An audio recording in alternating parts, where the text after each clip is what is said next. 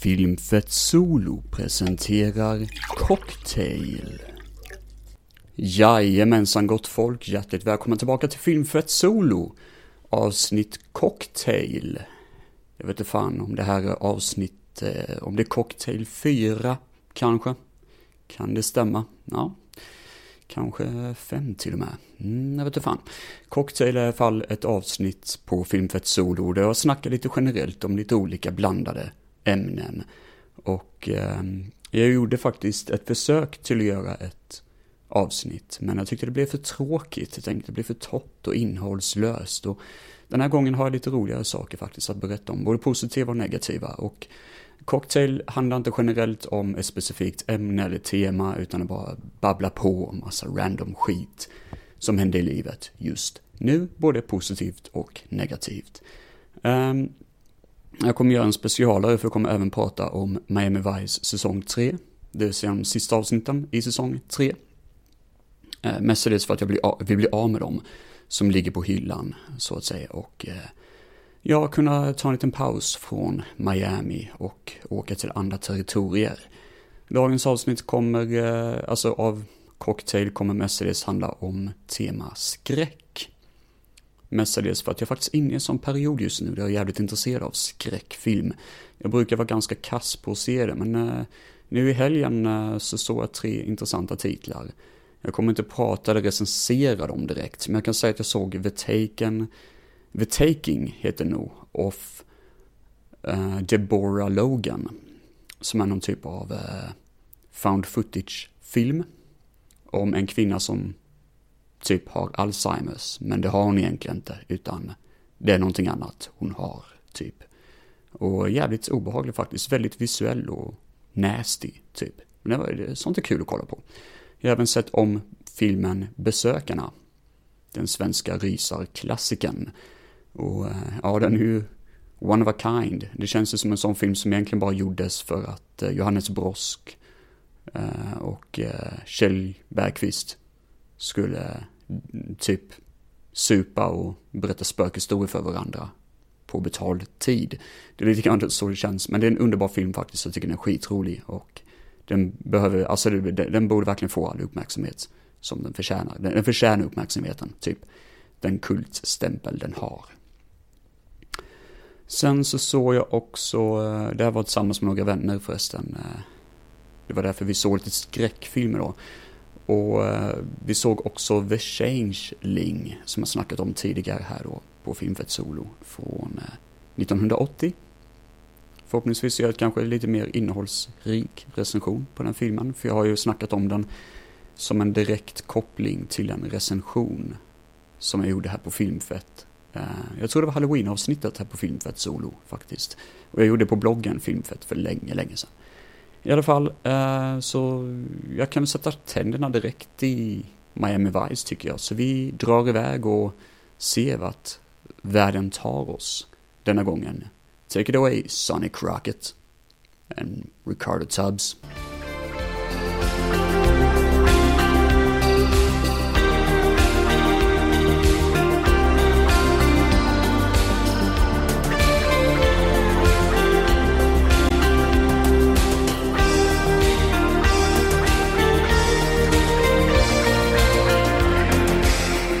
Miami Vice säsong 3, disk 6. Knock Knock Who's There? Det första avsnittet. Och det handlar om att eh, Crockett och Tubbs försöker då infiltrera en drogbaron som vanligt.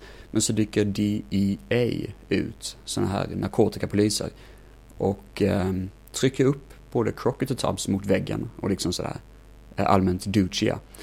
Och tar all kokain från rummet och bara sticker. De bara lämnar hela skiten. Och Crocodile Tubbs bara what the fuck has happened? Typ liksom. Um, men det visar sig att DEA, när då Miami Vice hör av sig till dem, att de faktiskt inte alls var involverad i denna räd. Utan eh, de liksom bara, det var ingen räd, vad fan är det som har hänt? De inser att någon har liksom, någon tjuv har varit eh, typ involverad i att eh, ge tjuvar ehm, eh, deras utrustning för att de ska kunna då stjäla kokain.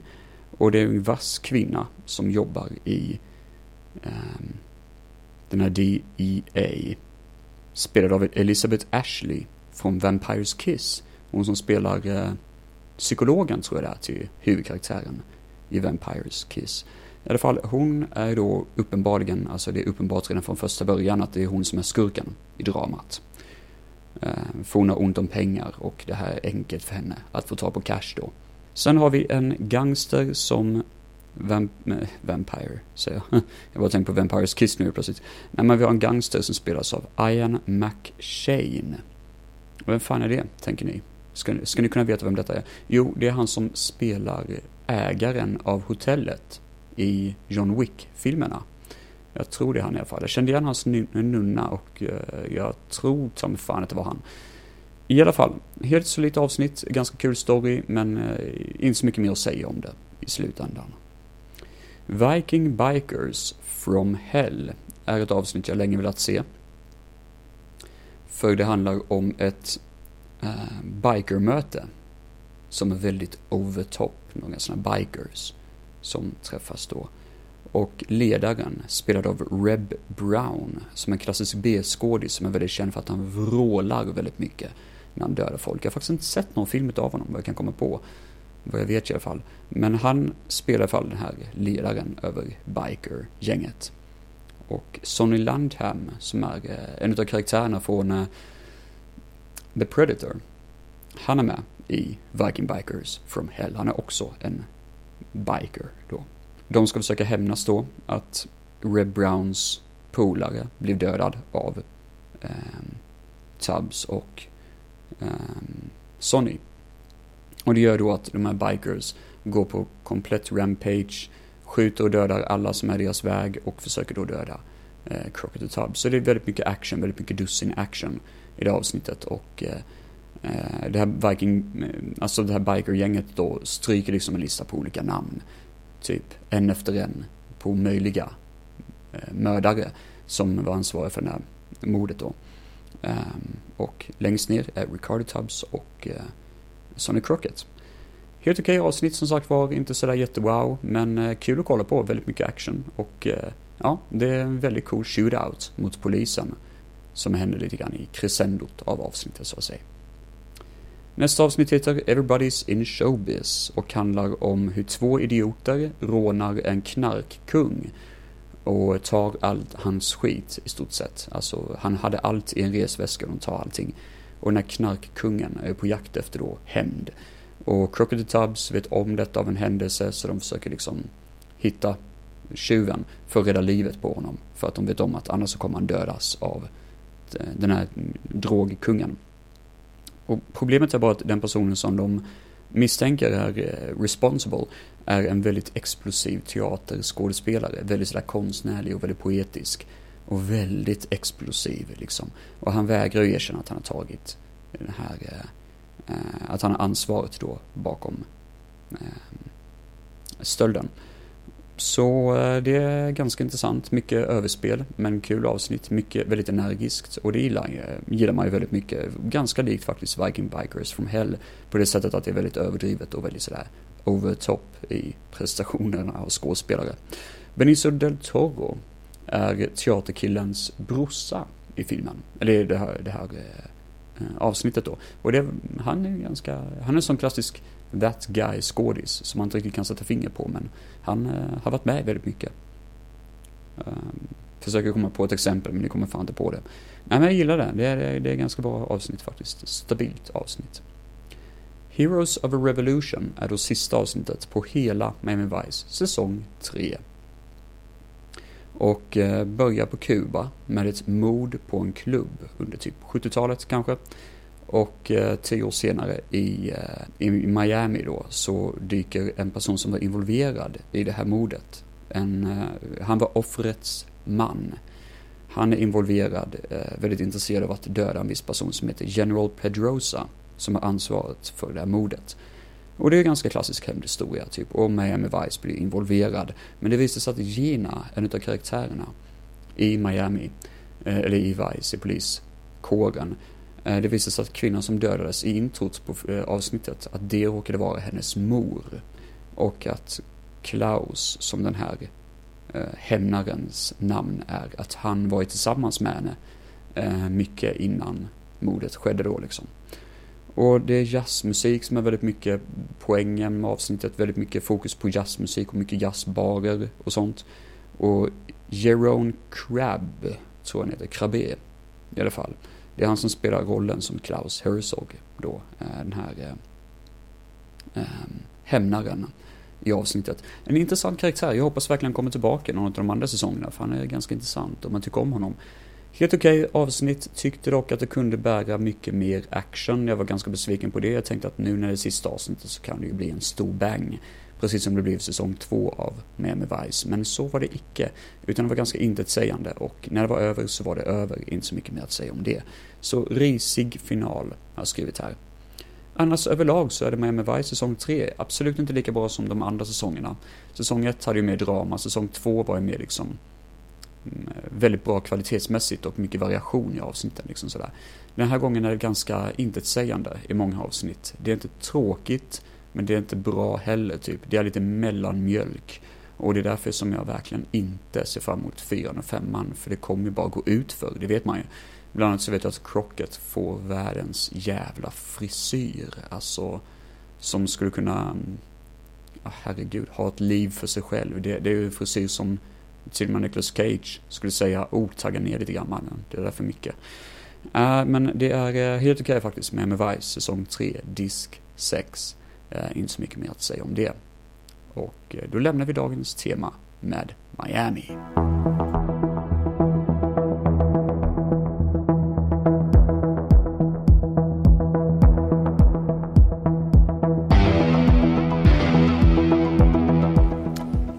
det där var en liten snutt från Vortex. En låt av John Carpenter. Um, han har gjort tre stycken, alltså för det första, man måste berätta vem John, John Carpenter är. Han är ju filmregissörernas gud.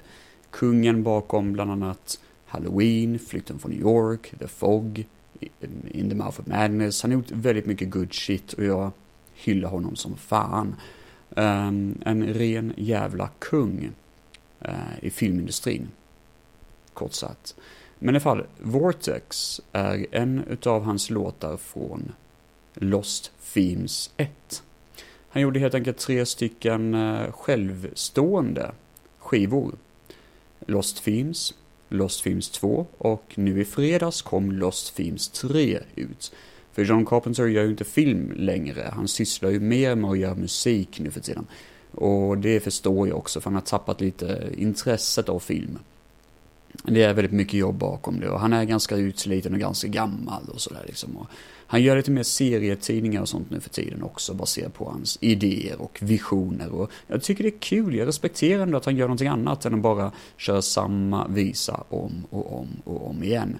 För han är ändå en man, en myt, en legend som har gjort musiken till sina egna filmer med synt, tung, tung, tung jävla synt. Och de här Lost Themes som han har gjort är tydligen inspirerade av tv-spel som han har lirat, som han tydligen också rökt på under tiden han har lirat och spelat tillsammans med sin son Cody, om man inte minns fel. Och därefter har de kommit på olika idéer och musik inspirerat av tv-spel. Så jävla coolt. Vilken kung. John Carpenter och Cody Carpenter och hela jävla gänget som står bakom Lost Themes, för han har inte gjort allting själv, absolut inte.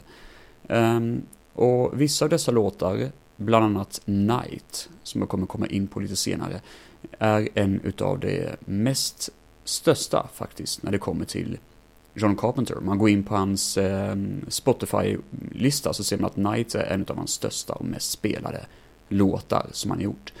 Jag gillar verkligen hans musik, som sagt var, har lyssnat väldigt mycket på det och blev väldigt sugen nu när det kom Lost Films 3 att man borde göra någon typ av avsnitt dedikerat till hans Lost Themes. Eftersom att varje låt är, har en egen prägel, har en egen sak som gör den lite unik, lite cool, lite häftig. Så tänkte jag att okej, okay, det finns något visuellt där också, något storymässigt, för jag suger på att berätta saker eh, Eh, med musik, det är ju inte det jag gör. Men jag kan ändå försöka förklara lite grann den känslan och det jag ser i mitt inre när jag spelar upp hans musik och lyssnar på det. Jag kommer ha vissa soundklipp, eller sådana här soundbites och vissa kommer jag inte alls köra något soundbites på. Utan jag kommer bara köra på random. Så det här blir väldigt, väldigt konstigt. Jag kommer lyssna på nio olika låtar och så kommer jag sammanfatta lite snabbt vad jag tänker. Eh, allt igenom. Jag har ingen jävla aning om det här kommer bli quality content eller om det kommer bli eh, käpprakt åt helvete. Men eh, ni får lyssna på skiten i alla fall och njuta av det. Nu sätter vi igång med Vortex.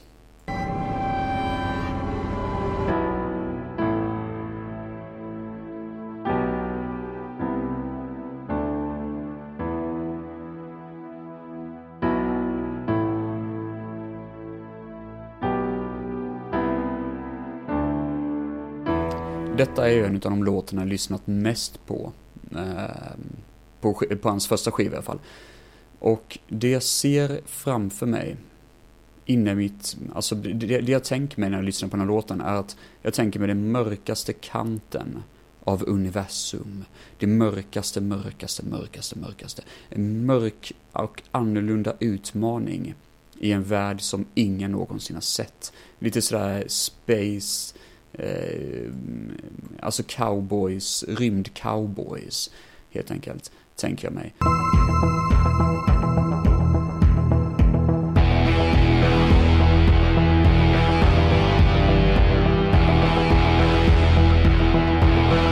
Och sen när det hela klickar igång lite mer, när vi kommer in lite mer tempot på det hela, så tänker jag mig, det är lite mer rostigt, lite mer maskinaktigt. Och då passar det verkligen det här med att det, det är universum, det är någon typ av maskin. Och ingen vet egentligen riktigt hur den här maskinen fungerar, men de försöker göra det bästa de kan för att ta sig igenom det. Så jag tänker mig lite sådär, mm, Eh, nästan lite Mass Effect-inspirerat. Att du tuggar på lite grann sådär. Så precis som, som i spelet Mass Effect, fast inte fokus på utomjordingar utan mer fokus på det mekaniska och det okända som man befinner sig i. Och kanske utmaningar i form av olika konstiga fenomen som kan hända i rymden och faror som kan ske. Det är det jag tänker när jag tänker med Vortex, jag tänker med en annorlunda maskin som tuggar på med ett eh, väloljat tempo, helt enkelt. Och eh, en del faror och hot som befinner sig här och där, men inte så mycket mer än det. Lite mysko, lite märkligt, men mestadels så här okända som är skräcken i det hela, eller det märkliga i det hela. Så tänker jag mig när jag tänker med Vortex. Men ehm, då kan man tänka sig hur jag tänker mig nästa låt som är Obsidian. Åtta minuter lång är denna jävlen. Så nu rullar vi igång den tycker jag.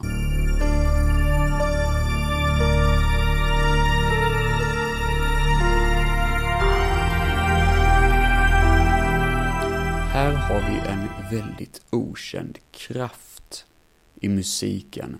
Det ramlar in toner av hets och oro. Som att någonting som inte får hända har hänt. Det värsta, worst case scenario. Det som ingen trodde skulle hända har hänt och nu sitter man i skiten.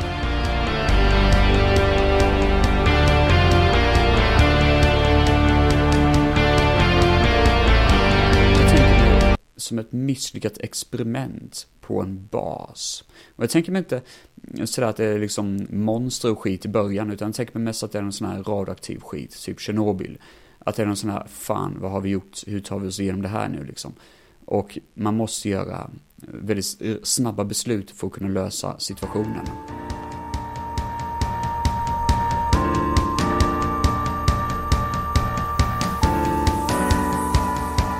Har skrivit inom parentes här då, eventuellt så har vi zombies i detta också.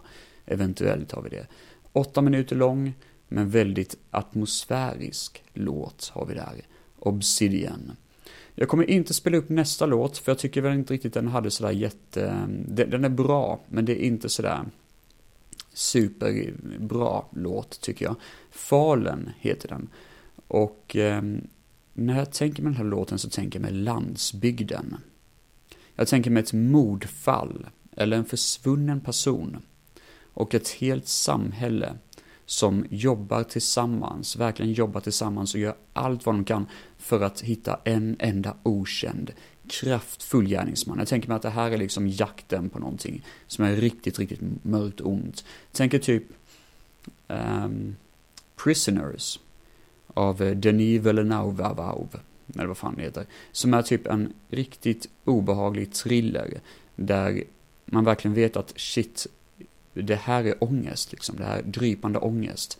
Jag tänker mig något liknande det, att antingen ett mordfall, att en kvinna hittas upphängd och dödad på ett brutalt sätt, och man vet att det är en gärningsman där ute, och hela samhället går emot gärningsmannen.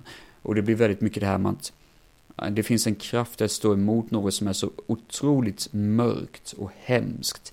Men det är mänsklig hemska. Det är inte det här monster, det är inte det här liksom demoniska, utan det är mer en seriemördare, någon brutal gärningsman som är på fri fot och hela samhället går emot den här kraften liksom. Så det är mycket det här kampen mellan samhället och gärningsmannen. Jag har skrivit i en powerplay, kallar det för, i crescendot av låten. Och då tänker jag kanske att gärningsmannen börjar häckla väldigt mycket sådär liksom. Och börjar bli väldigt jobbig, kanske inte börjar döda folk, men liksom börjar hota folk på ett sätt som gör att det verkligen blir mer aggressivitet och mer aggressivitation. Och i slutet kanske det blir en sån här sak att han vann kanske inte fighten, men det blir mycket skada, det blir mycket skit. Det blir att samhället kanske la väldigt mycket resurser på att ta fast honom och nu sitter de i skiten för att de kanske inte har resurser för att ta fast andra fall. Eller att det är liksom eh, Många människor kanske ser ner på sig själva för vad de har gjort, att de verkligen har gjort inhumana saker för att ta fast den här jävlen. Och det är kanske inte så positivt. Så Fadern är en bra låt, utan tvekan. Men det är nog ingen låt som jag kanske vill spela för er just nu, men jag tycker ni borde spela upp den när ni får chansen till det. Pausa gärna om ni känner för det och lyssna igenom låten lite snabbt så får ni en känsla av eh, Fadern.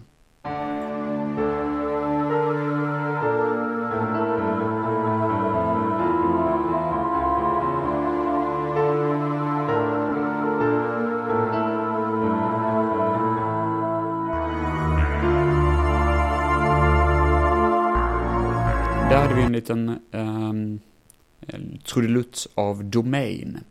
Och Domain är kanske lite klyschig i John Carpenters värld.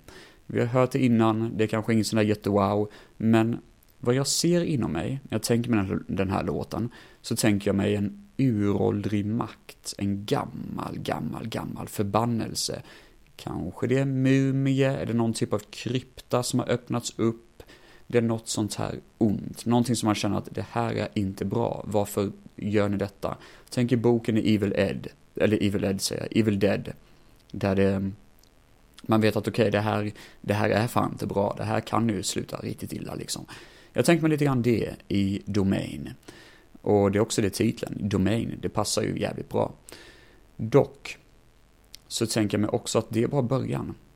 För sen tänker jag mig ett mansion, en sån här gigantisk herrgård, och flertal människor som är i fara av någon anledning när de befinner sig i denna herrgården. Att flertal människor utsätts för olika saker. Det är mm, lite sådär mm, Lucio Fulci kan man säga, att det händer visioner och demoner, man ser massa intressanta saker, lite grann som The Beyond. Det händer grejer, men det kanske inte riktigt connectar så mycket storymässigt, utan det är mest bara coolt att kolla på. Visuellt skrämmande och bra musik och hemskt och märkligt. Och sen...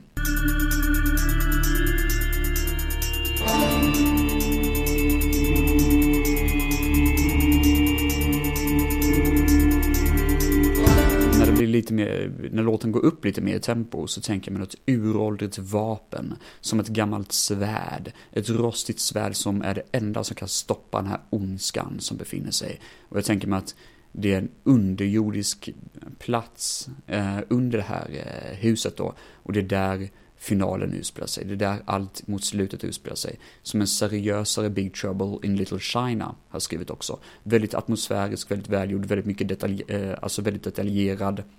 Och eh, att alla gör, alla de som överlever i alla fall, gör en resa till ursprunget av den här ondskan som har öppnats under den här eh, herrgården. Visst, vi har sett det förr, men jag tycker det är en ganska intressant och rolig tolkning av låten Domain. Ännu en låt jag inte kommer spela upp är låten Mystery. Mestadels för att det är inte, mm, jag får ingen riktig vision så det är sådär jättewow när jag lyssnar på den här låten. Men jag kan sammanfatta lite lätt. Jag tänker mig en vampyrlegend. För det låter ju verkligen sådär Nosferatu, väldigt sådär liksom vampyraktigt. Jag tänker på Vampires. Den hemska filmen som John Carpenter gjorde, som verkligen inte är bra, en av de sämre titlar enligt mig.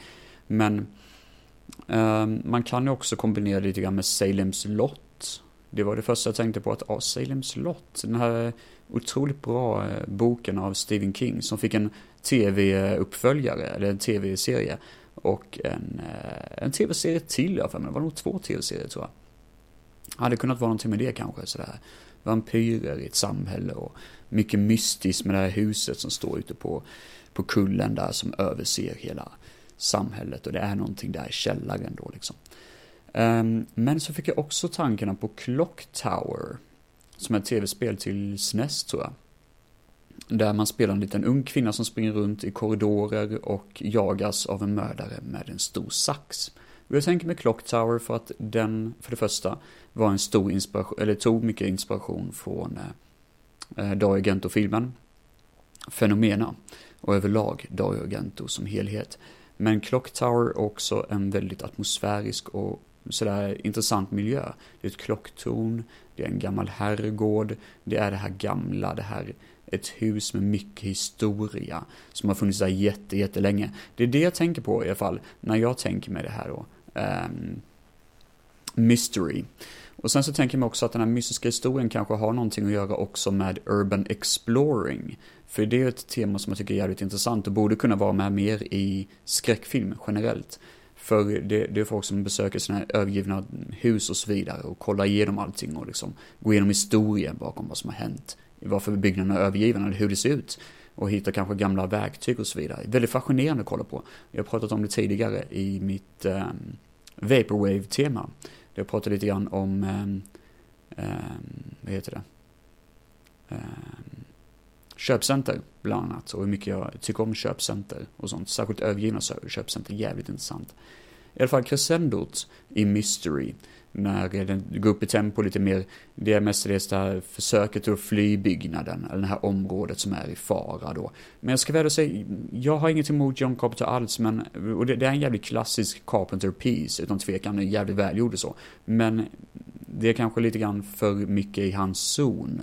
Och det är väl det som är lite tråkigt, för till skillnad från hans andra låtar som är jävligt bra, som verkligen går in lite mer, så kände jag att okej, okay, det här känns lite för ordinärt för min smak. Mystery är lite för vanligt för att jag ska kunna se någonting, eller visualisera någonting som är intressant. Men eh, ingenting emot låten generellt.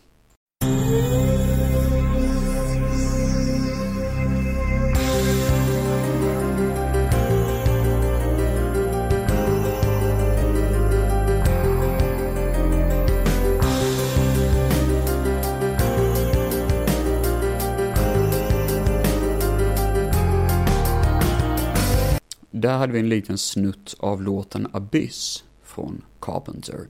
Och här har vi någonting intressant tycker jag, för grejen med Abyss är det att jag kan inte riktigt sätta finger på vad det är för någonting. Jag försökte verkligen blunda och visualisera det framför mig och jag fick forcera fram idéer. För jag tänkte jag kan inte bara berätta samma sak om igen. För först så tänkte jag lite sådär riddarhistoria. Men sen kom jag på lite mer andra saker för det blir lite mer techno aktigt i crescendot av låten. Och vad jag ser framför mig är ett MC-gäng, motorcyklister, som jagas av en seriemördare i deras egna territorium. Jag tänker lite grann som Class of 99, fast kanske lite mer seriöst då. Har också gjort ett avsnitt om Class of 99, utifall ni inte hört om det. Jävligt bra film faktiskt, för övrigt. Men i alla fall, ehm, Eh, jag tänker mig lite mer seriöst att det är typ en seriemördare, de vet inte riktigt vem det är. Det, det, går in lite grann på detaljer, lite olika saker, kanske någonting med polisen som håller på med någon, någon märklig avrättningshistoria. Och många misslyckade strider mot en till synes odödlig fiende. Så det är mycket action här, det är mycket explosioner, mycket vapen och mycket kols, eller kolsprutor, men eh, kolsprutor, alltså K-sprutor. Ja, ni fattar vad jag menar. Pistoler och vapen och kul är det, väldigt kul. Men det är en odödlig fiende, till synes så odödlig fiende i alla fall. Och mycket blodiga avrättningar är det här liksom.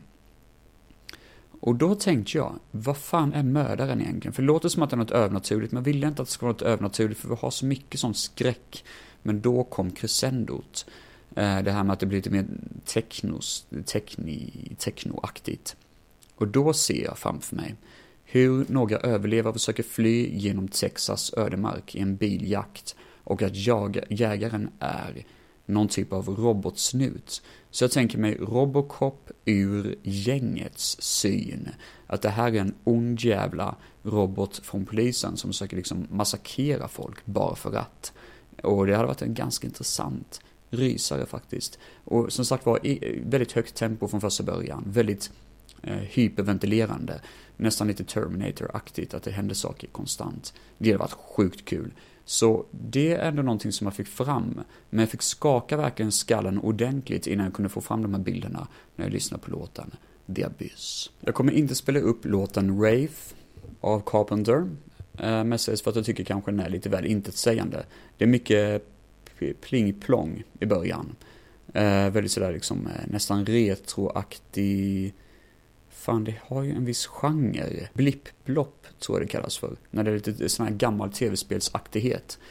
Och mm, Wraith, jag tänker mig Mass Effect igen. Nu är vi i rymden igen. Ett rymdskepp utan motor, eller som är någon typ av sån här situation och har varit det ett tag då man bara liksom, jag vet faktiskt inte hur vi ska ta oss igenom det här. Motorn är död, jag vet inte vad vi ska göra, typ. Lite så som svävar i sin tomhet mot, jag har skrivit här, en planet. Jag tänker mig att den sakta, sakta, sakta kommer in i planetens rotationscenter. Och det är mycket fokus på det här science fiction och mycket fokus på karaktärerna på, eh, på eh, skeppet. När de sakta men säkert kommer närmare eh, planeten då. Och de söker fixa skeppet så snabbt som möjligt för att komma undan liksom kraschmöjligheter, eh, liksom eh, komma undan den här katastrofen som kan komma när som, den dödliga katastrofen. Och i och med att det ändå är ett Carpenter så måste man ha lite mer fysiskt hot. Liksom, även om de ska försöka reparera eh, skeppet så tänker man något annat också. Och jag tänker mig en sån här datavirus som dyker upp rätt tidigt i filmen och etableras och växer och blir större och större och större och större. Och det är någonting med det här dataviruset som man bara säger att ja, men det här är påverkningar av rymden. Det är någonting som påverkar oss via rymden. Och det kan vara en gammal satellit eller någonting kanske som är aktiv och påverkar deras rymdskepp negativt. Så de måste besegra viruset, reparera planet och ta sig därifrån. Eller skeppet. Men som sagt var, musiken är, jag har ingenting emot det, men det, jag har lite svårt att hitta någonting visuellt bakom det som säger det här, jag ser vad han vill göra, utan jag känner lite mer, jag, jag ser inte riktigt och jag får inte riktigt den känslan som jag fick i bland annat då Abyss. Eh, som ju mer jag tänker efter faktiskt eh, var lite mer eh, rogivande i sin effektivitet. Rave är kanske inte så effektiv i min eh, mening.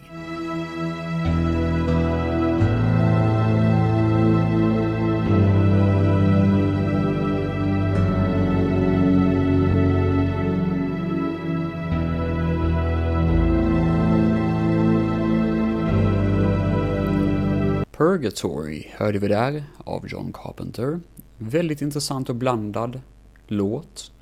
För det börjar väldigt mycket som en begravningsceremoni. Jag tänker mig någonting mer dramatiskt. Jag tänker mig lite grann som hans otroligt magiska film Starman. Och jag tänker mig lite sådär, det är dramatiskt, det handlar om vänskap, det handlar om det här självmordsoffret som då dog och eh, begravningsceremonin handlar, alltså eh, sådär, är om. Och sen blir det lite mer mystiskt men ändå mer fokus på dramat för det visar sig att han var involverad eh, i satanist, eh, satanismen. Och kanske en religiös familj som är involverad då som råkar vara hans föräldrar som inte riktigt är så glada över hans val. Och sen då så blir det lite mer personlig apokalyps kan man kalla det för. Lite mer ett vrak av en människa, typ vad som har hänt med honom. Och liksom, lite mer hur långt det verkligen gick för att han verkligen skulle ta sitt egna liv. Men, sen där, i mitten av låten, Purgatory, så hör vi lite mer öppnande tempo. Det blir lite mer märkligt, lite mer metalliskt nästan. Lite mer som att det är någonting som fortfarande lever. Och då tänker jag mig onda visioner av hans ruttnande lik. Alltså som en demonisk makt. Och att hans själ kanske är fast på något vis. I någon typ av purgatory. Då liksom som titeln på låten heter. Det hade varit ganska intressant. Det, det, det, är inte direkt in your face enligt mig, utan det är lite mer sådär mysko. Och det är ju det som verkligen är John Carpenter in a nutshell.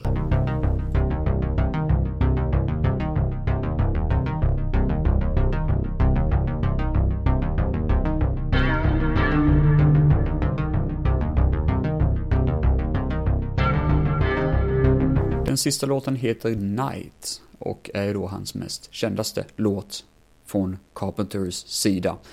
Och mm, som jag spelade upp lite grann, det är en väldigt mörk låt. Jag har hört den hur många gånger som helst och jag fucking love it. Ända sedan första gången jag hörde den så tänkte jag på kaffe. Jag tänkte på det mörkaste kaffet ni kan tänka er, typ klägg av renodlad ångest, bönor av det svartaste jävla kladdet i mänsklighetens historia. Jag tänkte där liksom, det här är mörkt. Det är mörkare än mörkt. Det är mörkare än mörkast. Det här är...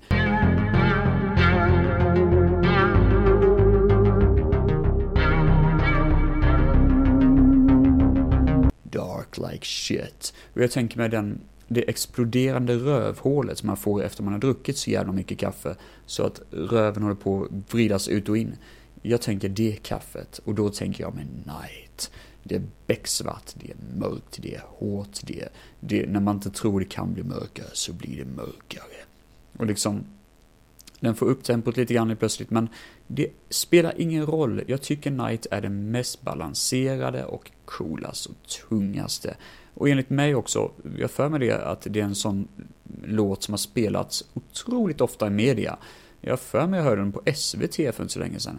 Jag vet att den är med i Ja, ah, nu kommer jag fan inte ihåg det, men det, det är några sån här eh, Climax, tror jag den heter, någon film som jag inte själv har sett. Marcus älskar de filmerna, jag vet att de är med i några av de filmerna.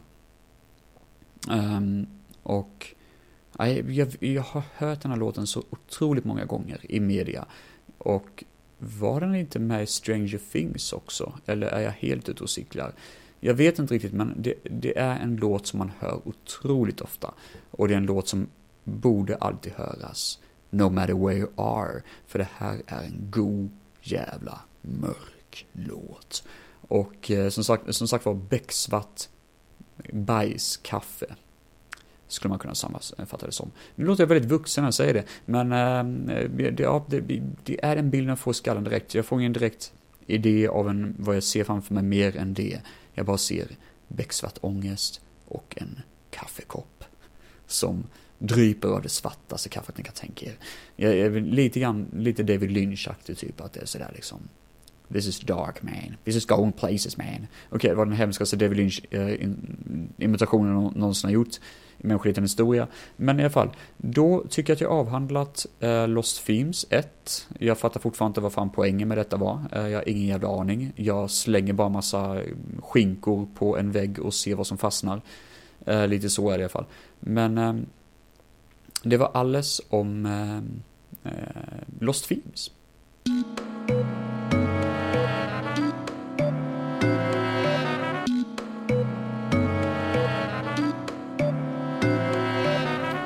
Allt är ju inte solrosor. Utan det finns också en del negativa saker också såklart. För när vi pratar om skräck och ändå är inne på det här temat eh, så finns det en suverän dokumentär som jag nämnt tidigare här på Filmfett Solet x antal gånger för jag är så jävla glad att jag backade den. In Search of Darkness Part 1. Och eh, In Search of Darkness Part 2 det var egentligen inte planerat att den skulle komma ut, men folk blev så jävla överraskade. De som gjorde filmen blev så överraskade att det faktiskt gick så bra för dem. Så de beslöt sig att göra en tvåa. Ehm, poängen i ettan då, In Search of Darkness 1, är att det är en fyra timmar lång dokumentär där man intervjuar väldigt många kända eh, regissörer och eh, skådespelare, bland annat John Carpenter ehm, och en massa andra. Jag tror, jag vet inte fan eh, om de inte intervjuade Sam Raimi ändå. Eh, gjorde de inte det så dyker han kanske upp i den här.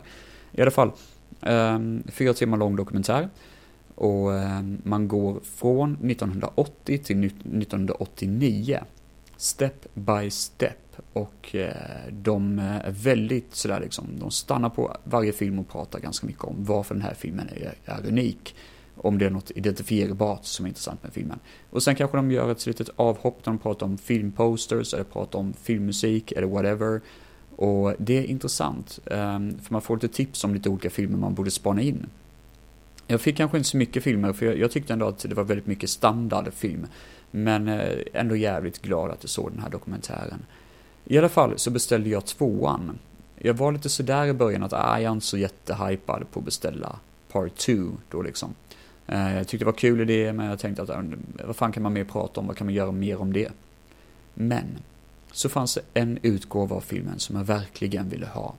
Som heter Good Bad Flicks Edition. Han är en av mina favorit-youtubers, en fantastisk youtuber som gör jättebra recensioner på filmer och eh, går in ganska ofta på djupet och pratar lite grann om hur saker gjordes och han gillar lågbudgetfilm, precis som jag gör, kultfilm, precis som jag eh, gör, ofta skräck och slis och allt möjligt. Och han är en god jävel för han är så sjukt charmig. Även om jag kanske inte håller med honom så himla mycket på alla hans videos, jag har inte sett allting heller. Men även om jag inte gör det så, han är jävligt trevlig man kan faktiskt liksom skicka ett meddelande till honom, prata lite grann med honom och ha en tid och känner för det så kommer han svara liksom. Och han, han tycker det är kul liksom, ge lite info bara, ja ah, men du tänker kanske på den här filmen eller ja ah, du menar den filmen, ja ah, men den känner jag igen eller sådär liksom. Um, och tycker det är skitkul verkligen att uh, att fans hör av sig när de väl gör det. Men sen så förstår man ju såklart att man har, får respektera att han har sitt privatliv såklart. I alla fall, han har fått en egen edition på den här filmen. Så man kan köpa den utgåvan om man vill. Det finns en rad olika utgåvor man kan köpa av den här eh, In Search of Darkness Part 2. Och jag köpte ju hans utgåva som sagt var. Jag var jätteglad över det. Det tog jättelång tid innan jag fick den för som sagt var man får pre-order och så tar det jättelång tid innan eh, sakerna kommer. Och när jag fick grejerna igår så var jag skitglad. Äntligen något kul att se fram emot. Det här har jag väntat på jättelänge. Tror ni inte att någon jävel har tagit sönder paketet? Alltså det, det är tillknycklat. Jag har ju en poster, eh, bland annat, som han då själv har gjort. Eller så, eh, baserat på hans egen kanal. Och den är ju tillknycklad. Den är ju vikt som dagstidning, typ. Man bara hopp, tack för den. Det var ju jävligt surt. Och inte bara det, DVD-omslaget ser ju ut som att det blivit blött, alltså som att det verkligen är slitet och blött, typ. Ser för jävligt ut. Jag bara, vad fan, aha. Och själva omslaget till skivan då, för det, det var som slipcase till den. Eh, omslaget till skivan är ändå helt okej. Okay. Skivan är hel. Och de, det finns tre andra posters som följde med, men det syns att de har varit vattenskadade av någonting. Men de ser ändå okej okay ut. Men som sagt var, jag var besviken. Så jag var skitförbannad. Jag mejlade till eh, Postnord, för jag tror det är de som ansvarar för det. För att det ser ut som det gör. Och fick inget svar såklart. Men eh, sen så mejlade jag då till eh, de som skickade det här. Och jag fick faktiskt svar i natt. Alltså dagen efter att jag skickade, svar, eh, skickade till dem så fick jag svar direkt. De beskrev läget, de sa att de skulle skicka ytterligare en kopia till mig. Och de var väldigt ledsna för det här liksom. Jag bara oj shit, det här är ju jättebra, vilken service liksom. Så jag kommer få grejerna eh, hela. Men jag kommer ändå troligtvis sätta mig ner nu i helgen och se eh, In Search of Darkness Part 2. För, eh, vad fan. I deserve it motherfucker. Dock så kan jag gå igenom lite snabbt uh, hur posters ser ut. Jag har ju tre posters. Um, det första ser ut som att det är, är det fem stycken ungdomar som sitter framför en glödande tv-apparat med en massa eh, filmposters bakom.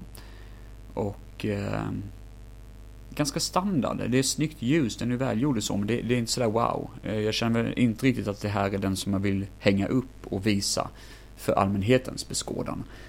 Eh, sen har vi en svart poster.